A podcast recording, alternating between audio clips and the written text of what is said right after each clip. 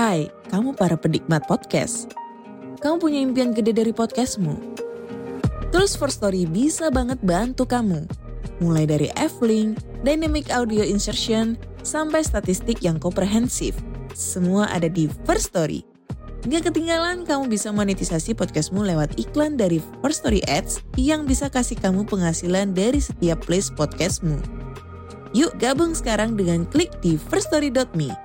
Sekali lagi, klik di firststory.me. Mari kita bawa mimpi podcastingmu menjadi kenyataan. Hello? Hello? Podcast Network Asia. Lisir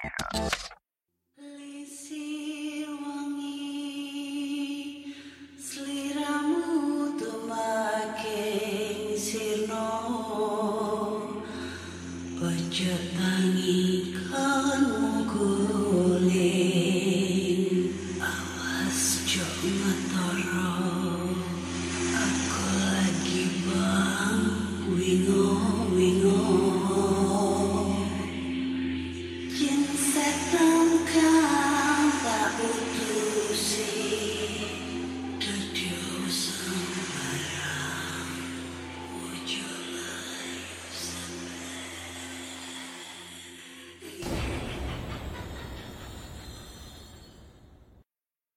Hai ya apa kabarnya? Ketemu lagi dengan aku si Ana di podcast kisah horor. Di episode kali ini, aku akan bacakan cerita horor ataupun email berhantu yang sudah dikirimkan teman-teman melalui podcast kisah horor at gmail.com atau di Instagram podcast kisah horor serta Google Form yang linknya tersedia di bio Instagram podcast kisah horor.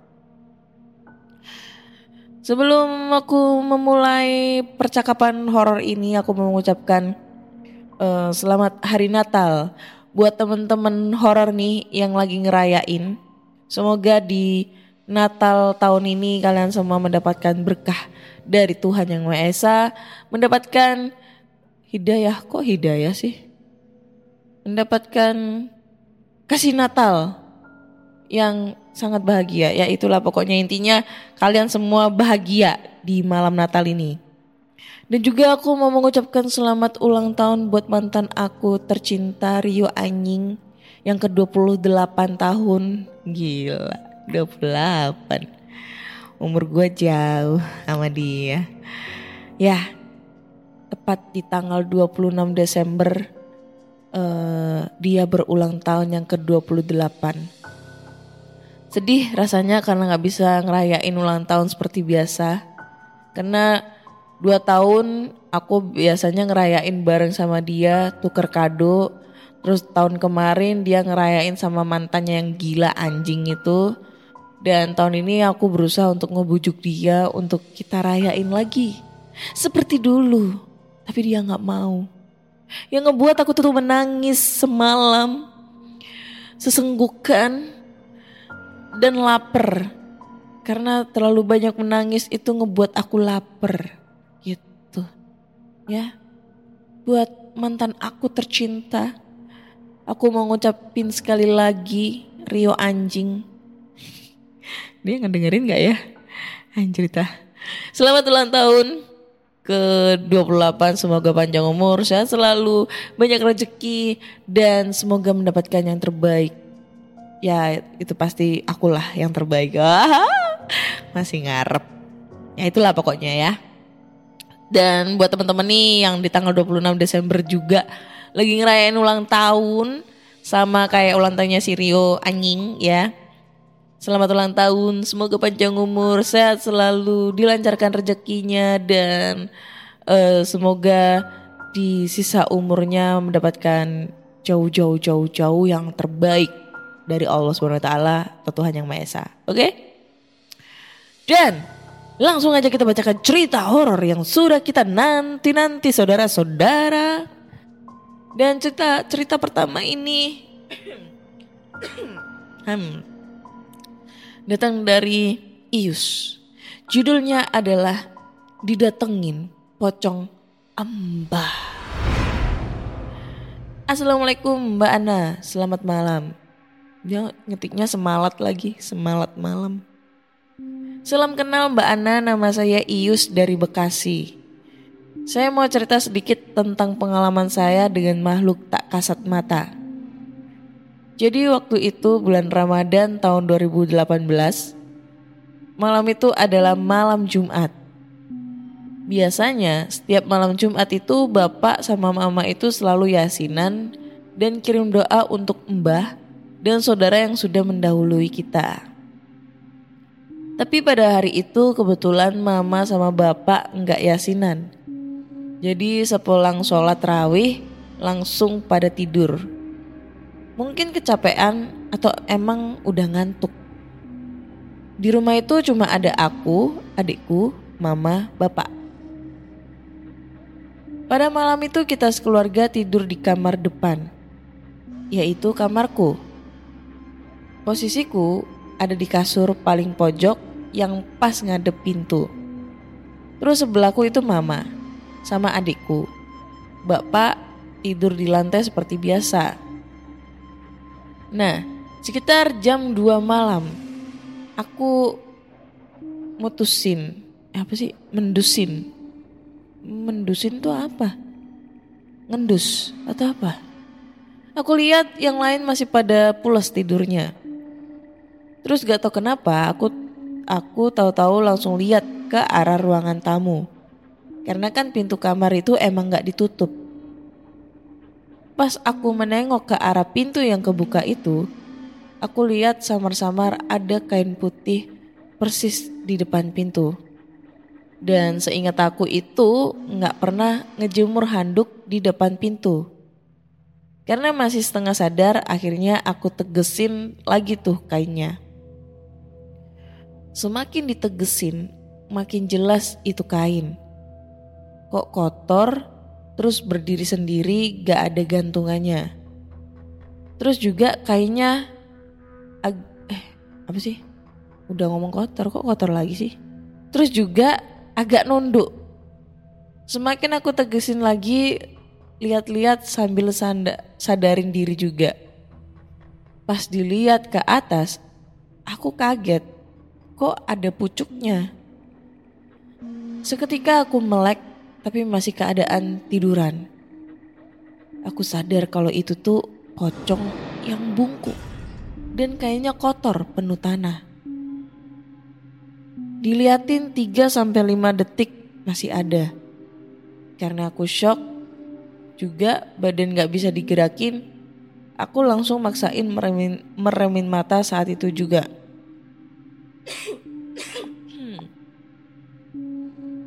Dan ya besoknya aku sakit panas, meriang, nggak mau makan juga. Pas sahur atau buka puasa, nggak ngomong sepatah kata pun sama orang rumah. Walaupun kadang ditanya kenapa aku nggak ngeluarin ucapan sedikit pun. Sampai satu minggu kemudian, ketika kakak kakakku semuanya sedang berkumpul di rumah, saat lagi berbincang-bincang itu aku nyeplosin. Malam Jumat kemarin ada pocong mbah lagi berdiri lagi berdiri di depan kamar. Badannya bungkuk, kayaknya kotor. Di mana aku tahu soalnya mbak itu emang badannya bungkuk udah dari lama.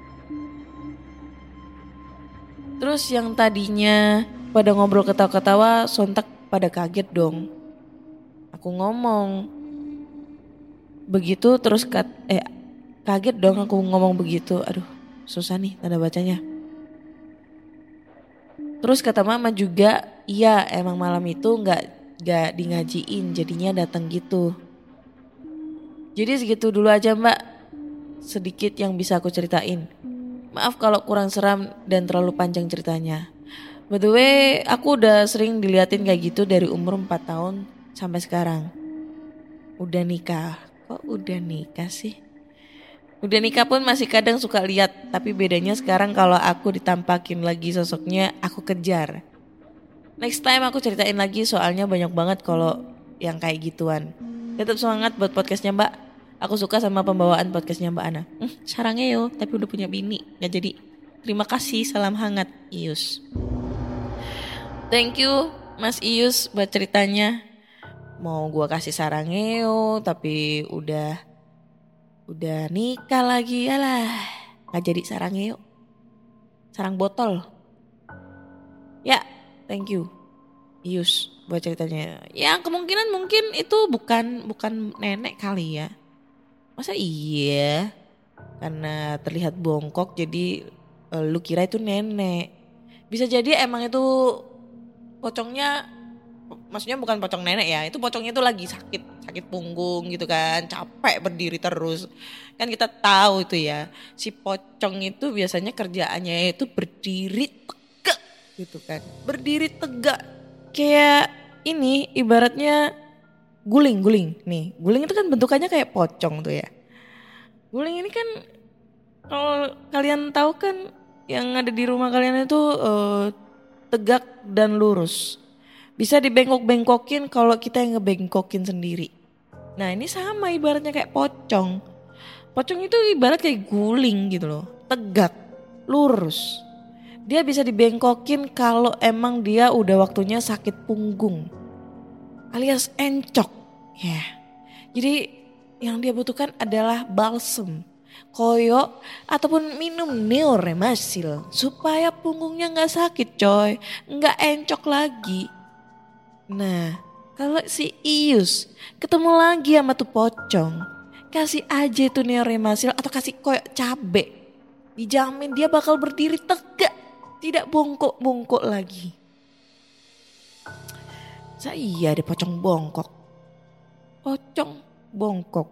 Gimana tuh nanti lompatnya kalau pocong bongkok-bongkok? Gue mau ngebayangin tapi susah banget gitu ya.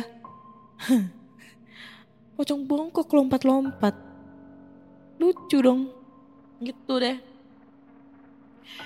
Jadi sebelum kita masuk ke cerita kedua nih, aku mau bacain salah satu komentar yang ngebuat gue agak pedes nih mata ya.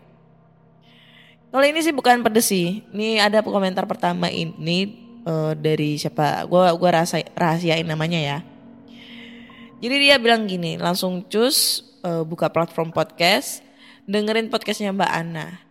Entah ekspek ekspektasi saya yang terlalu tinggi atau emang podcastnya Mbak Ana sangat kurang proper dalam beberapa hal. Baru dengerin episode cer episode satu cerita pertama udah sangat gak nyaman sekali dengerinnya. Menurut saya pribadi cerita horor yang bikin merinding atau seram itu gimana cara yang ngebawainnya. Baru denger episode 1 Theater of Mind mulai kebangun. Eh tiba-tiba nyari fresh care lah, cari air dulu lah, batuk-batuk dan lain-lain. Itu sangat mengganggu sekali. Tolong Mbak Ana, Ketika akan take podcast, segala keperluan sajen selama membawakan cerita disediakan dulu di sekitar agar tidak mengganggu cerita yang sedang dibawakan dan kalau kurang sehat ya ditunggu sehat dulu baru take podcast kembali. Info-info aktivitas Mbak Ana selama podcast menurut saya pribadi kurang bermanfaat. Eh, Nggak uh, usah diomongin. Uh, apa nih?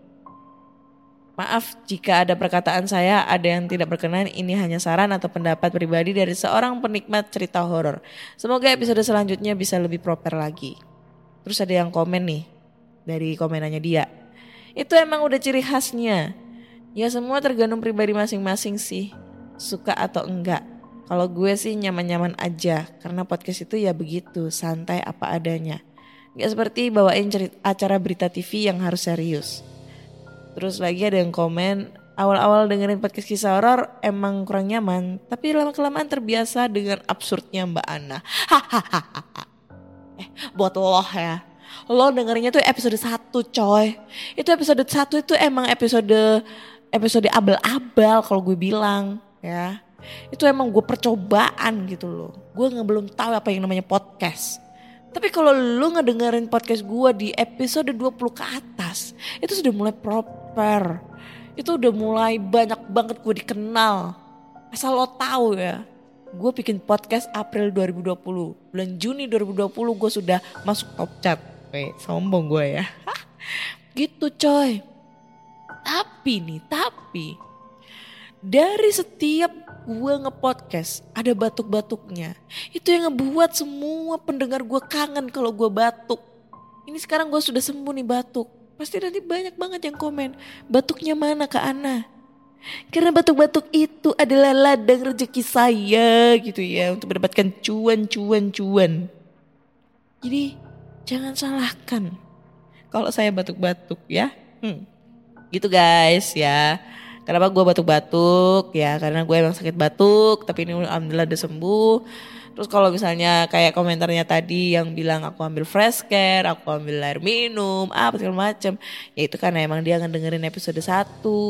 Episode 1 itu emang episode abal-abal gitu kan. Gue masih belum tahu apa-apa gitu. Nah terus ada lagi yang ngebuat gue agak pedes nih bacanya. Helah, gue banget pengen bisa lihat hantu, setan dan lain-lain. Ntar ditampakin beneran ibrit ketakutan loh.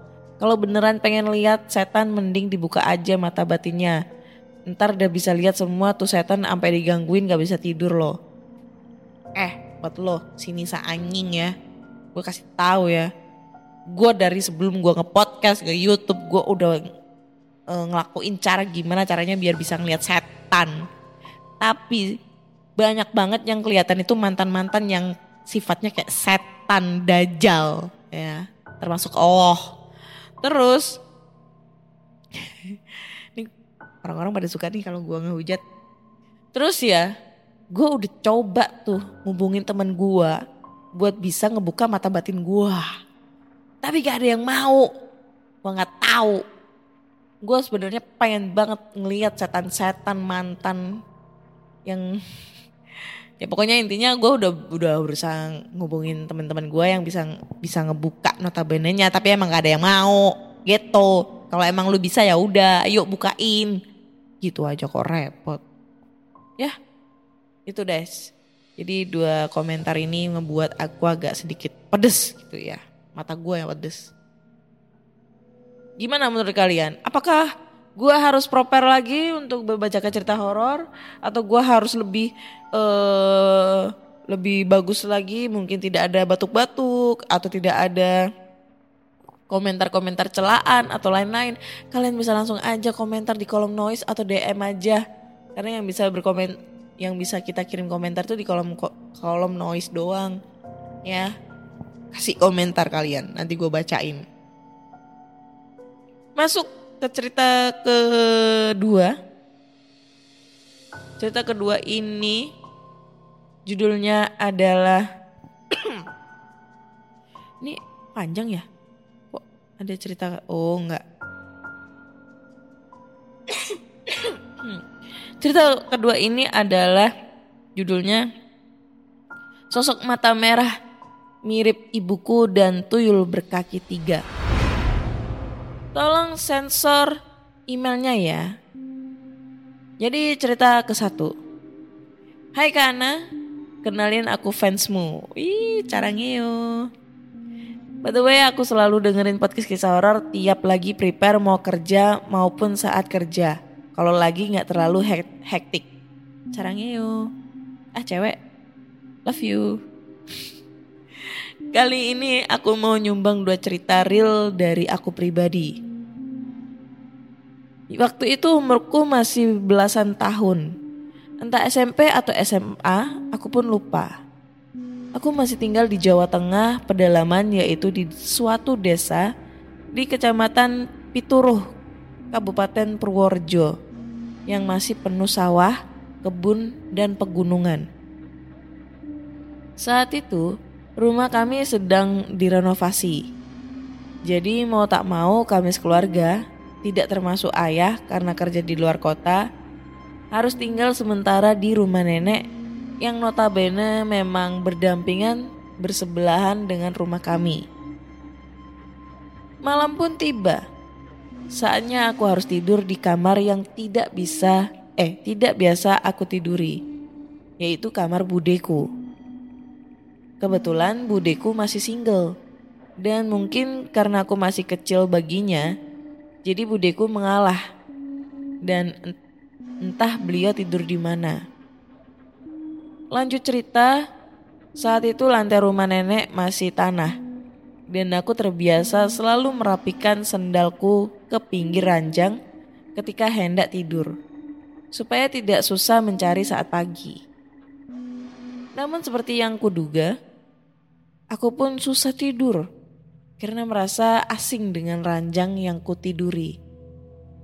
Namun karena hawa khas rumah nenek dan hawa pedesaan yang sejuk, tidak bisa membohongi mata. Lama-kelamaan aku pun terlelap dalam keadaan kebelet pipis. Rasa kebelet yang sudah kutahan sejak sebelum mengantuklah yang jadi awal mula aku bertemu sosok mata merah mirip ibuku. Di tengah malam ketika detak jam terdengar sangat kencang, aku terbangun karena sangat tidak tahan. Kuban kubangunkan ibu yang ada di kamar sebelah. Bu, antar aku pipis yuk. Aku takut sendirian. FBI ya kak, karena sumur dan kamar mandi kami terpisah dan berada di luar rumah, jadi aku sangat tidak berani keluar jika sudah larut malam. Singkat cerita ibuku bangun dan langsung mengantarkanku ke sumur untuk pipis. Ibuku pun ikut jongkok dan posisi di depanku dengan tersenyum dan meringis seperti joker dengan mata merah menyalanya. Aku memandangnya cukup lama, namun karena sangat mengantuk dan hampir setengah sadar, aku tidak terlalu menghiraukannya. Yang kupikirkan saat itu hanya ingin segera tidur lagi. Setelah selesai dan balik lagi ke kamar, aku langsung tertidur pulas tanpa mem membereskan sendal. Paginya, aku baru tersadar tentang apa yang terjadi tadi malam saat aku ke sumur. Ingin sekali aku yakinkan itu hanya mimpi, tapi posisi sandal dan rasa kebelet yang udah gak ada ini gak bisa dipungkiri. Lantas aku keluar kamar dan berlari bertanya pada ibuku. Bu, semalam apa ibu menemaniku pipis? Jawaban yang sudah kuduga, beliau menjawab, Enggak, kamu gak ada bangunin ibu semalam? Setelah kejadian itu, aku gak pernah berani nahan pipis. Sebelum tidur, eh apa sih? Aku gak pernah berani nahan pipis sebelum tidur atau sebelum tengah malam. Thanks Kak Ana udah dibacakan, walaupun gak serem tapi mampu mengubah pola pikirku tentang menahan pipis. Lalu cerita kedua, Hai Kak Ana, saat aku menceritakan hal ini aku masih merinding banget. Ceritanya mungkin singkat dan simple. Lagi-lagi bikin aku mengubah pola pikirku. Singkatnya, tahun 2015 aku sudah lulus SMA dan merantau ke Surabaya bersama ayahku. Wah, Surabaya mana nih? Yuk kita meet up. Meninggalkan desaku yang sejuk dan indah Aku awali rantau dengan mulai bekerja di perusahaan emas dengan koneksi dari ayahku. Hmm, tahu gue ini di daerah Rungkut ini pasti ya. Namun baru tiga hari sudah tidak kuat. Lalu aku memilih mencari kerja sendiri. Aku melamar ke restoran-restoran terkenal di Surabaya dan tentu dan tentu banyak yang tertarik denganku karena saat itu di sana sulit mencari karyawan yang tidak medok lagi-lagi aku tidak betah karena ada partner kerja yang iri dengki dan gak lama aku memutuskan resign dan pindah ke restoran Chinese yang udah berdiri dari tahun 90-an. Jauh berbeda suasana kerja maupun partner kerjanya. Jauh lebih kekeluargaan dengan sangat welcome. Lanjut cerita, aku pun bekerja di sana sudah hampir 4 bulan Awal-awal kerja selalu dibilang, gak boleh melamun, gak boleh sendirian di lantai atau ataupun di ruang VIP, oh lantai atas ataupun ruang VIP. Karena aku ke lantai atas hanya untuk berganti baju dan menaruh tas di loker. Aku pun tidak menanyakan lagi karena sebenarnya aku tidak kepo. Lanjut cerita, restoranku termasuk dalam destinasi wisata kuliner. Karena menu yang masih sangat autentik, maka tak jarang banyak yang berkunjung. Mulai dari turis lokal maupun internasional. Kisah ini bermula di malam minggu pada penghujung tahun 2016. Saat ada sekumpulan turis dari Kamboja bersama tour guide-nya yang datang tepat pukul 10 lewat 40 malam. Mereka berlima lelaki semua. Tanpa pikir panjang, bosku langsung menyambut dan kami terpaksa harus menunda waktu pulang yang seharusnya pukul 11 sudah pulang.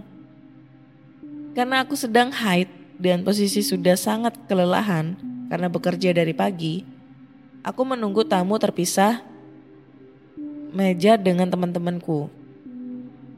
Kujelaskan ya Kak Ana, meja di restoran kami bundar dan di ujung ada kaca besar sehingga tanpa melihat ke arah tamu pun kami bisa memantau dari kaca besar.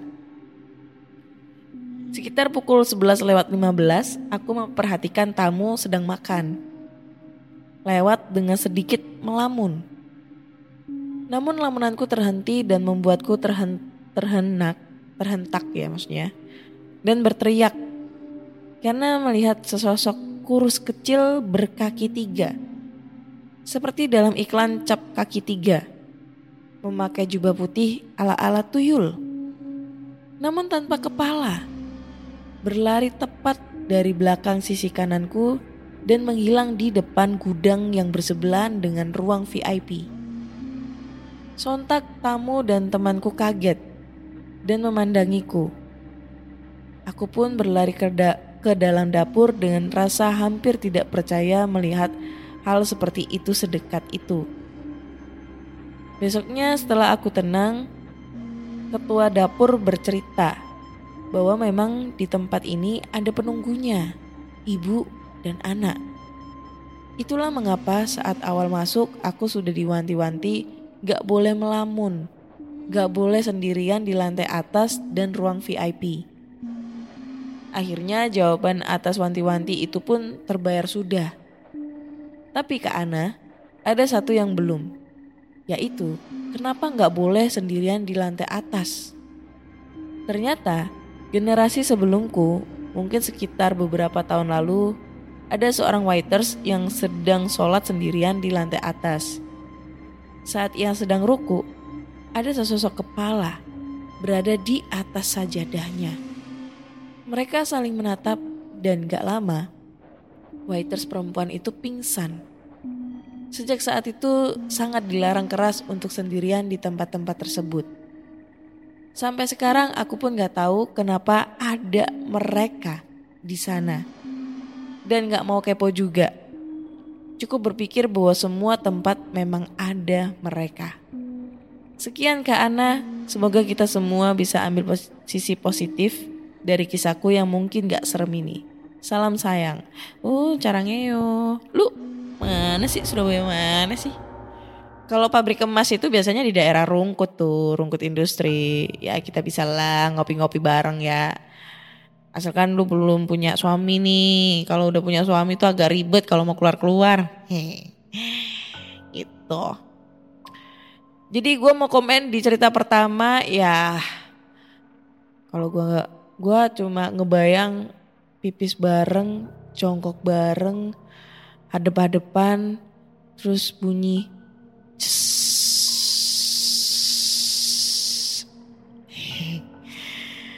kayak balap-balapan gitu pipisnya. Seru kali ya. Tapi yang dia ajak pipis itu setan coy. Mata merah, mulutnya senyum selebar kayak joker. Wah serem tuh. Pipis bareng setan. Itu dapat nomor berapa ya?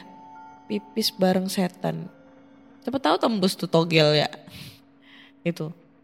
Itu yang pertama ya mungkin uh, karena gue nggak bisa bilang ini gimana ya ya entah lah ya ini menurut pandangan gue sendiri mungkin dia lagi halu bukan halu ya lebih tepatnya ya mungkin halu sih bisa dibilang halu karena emang kan posisinya dia habis bangun tidur. Posisi oh, belum begitu sadar. Gue biasanya kalau lagi tidur pules tiba-tiba kebelet pipis. Kayak sempoyongan gitu, mata agak merem-merem sambil pipis gitu kan. Jadi kayak nggak sadar banget kalau kalau lagi ke kamar mandi kayak apa gitu kan. Udah ya sadar sih, tapi kayak gak begitu sepenuhnya sadar. Jadi akhirnya dia berhalusinasi bahwa dia lagi pipis bareng sama ibunya gitu. Nah yang kedua, nih cerita kedua adalah eh dia ketemu sosok tuyul yang kakinya tiga. Sosoknya itu seperti lambang larutan minuman cap kaki 10. Nah itu, berarti kan kayak mana ya jalannya itu? Ya gitulah, tahu kan lambangnya itu? Hmm, gue mau komentar apa nih ya? Ya itulah. Kalau gue gue tangkap sih bukan tuyul kali ya. Mungkin lebih tepatnya hmm, ya sosok-sosok yang pengen ngeganggu aja di situ. Karena kan kalau sosok tuyul itu identiknya itu dia itu ada eh, kepalanya botak, terus pakai celana kolor doang dan gak pakai baju. Udah. Dan biasanya sih kalau tuyul itu kan sukanya kan mencuri itu ya kan selama Anda bekerja di sana kan tidak ada yang hilang. Jadi tidak bisa dipastikan kalau itu tuyul. Mungkin bola lagi ngelinding atau apa. Ambil positif thinkingnya aja gitu loh ya. Terus, nah ini yang serem itu pada saat si karyawannya ini sholat tiba-tiba pas dia ruku, wah di bawah tuh ada muka. Kan serem banget tuh ya. Berasa ciluk bah kayak gitu-gitu. Itu sih kalau dibilang serem kurang sih menurutku. Tapi restoran Chinese di mana ya? Ada sih restoran Chinese yang terkenal di daerah Kedung Doro. Apa itu? Gue nggak tahu sih. Itu rame banget tuh sampai bikin macet motor tuh. Itu guys. Jadi buat teman-teman semua nih, gimana menurut kalian? Apakah di episode kali ini serem? Atau lebih serem ceritaku sama si mantan? Kalian bisa langsung aja kirim cerita kalian kalau punya pengalaman seperti ini di podcast kisah horor at gmail.com atau di Instagram podcast kisah horor serta Google Form yang lainnya tersedia di bio Instagram podcast kisah horor. Jangan lupa dengerin podcast kisah horor di Spotify, Google Podcast, Apple Podcast, Noise, dan sekarang sudah ada di Pogo dan Reso ya. Jangan lupa kasih rating 5 untuk podcast kisah horor di Spotify dan tinggalin komentar kalian menarik di Noise yang nantinya gue bakal bacain semuanya. Akhir kata saya Ana undur diri dan terima kasih. Bye bye.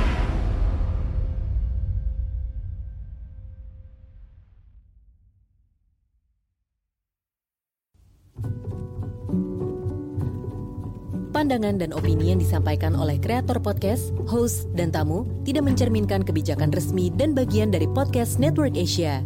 Setiap konten yang disampaikan mereka di dalam podcast adalah opini mereka sendiri dan tidak bermaksud untuk merugikan agama, grup etnik, perkumpulan, organisasi, perusahaan, perorangan, atau siapa pun dan apa pun.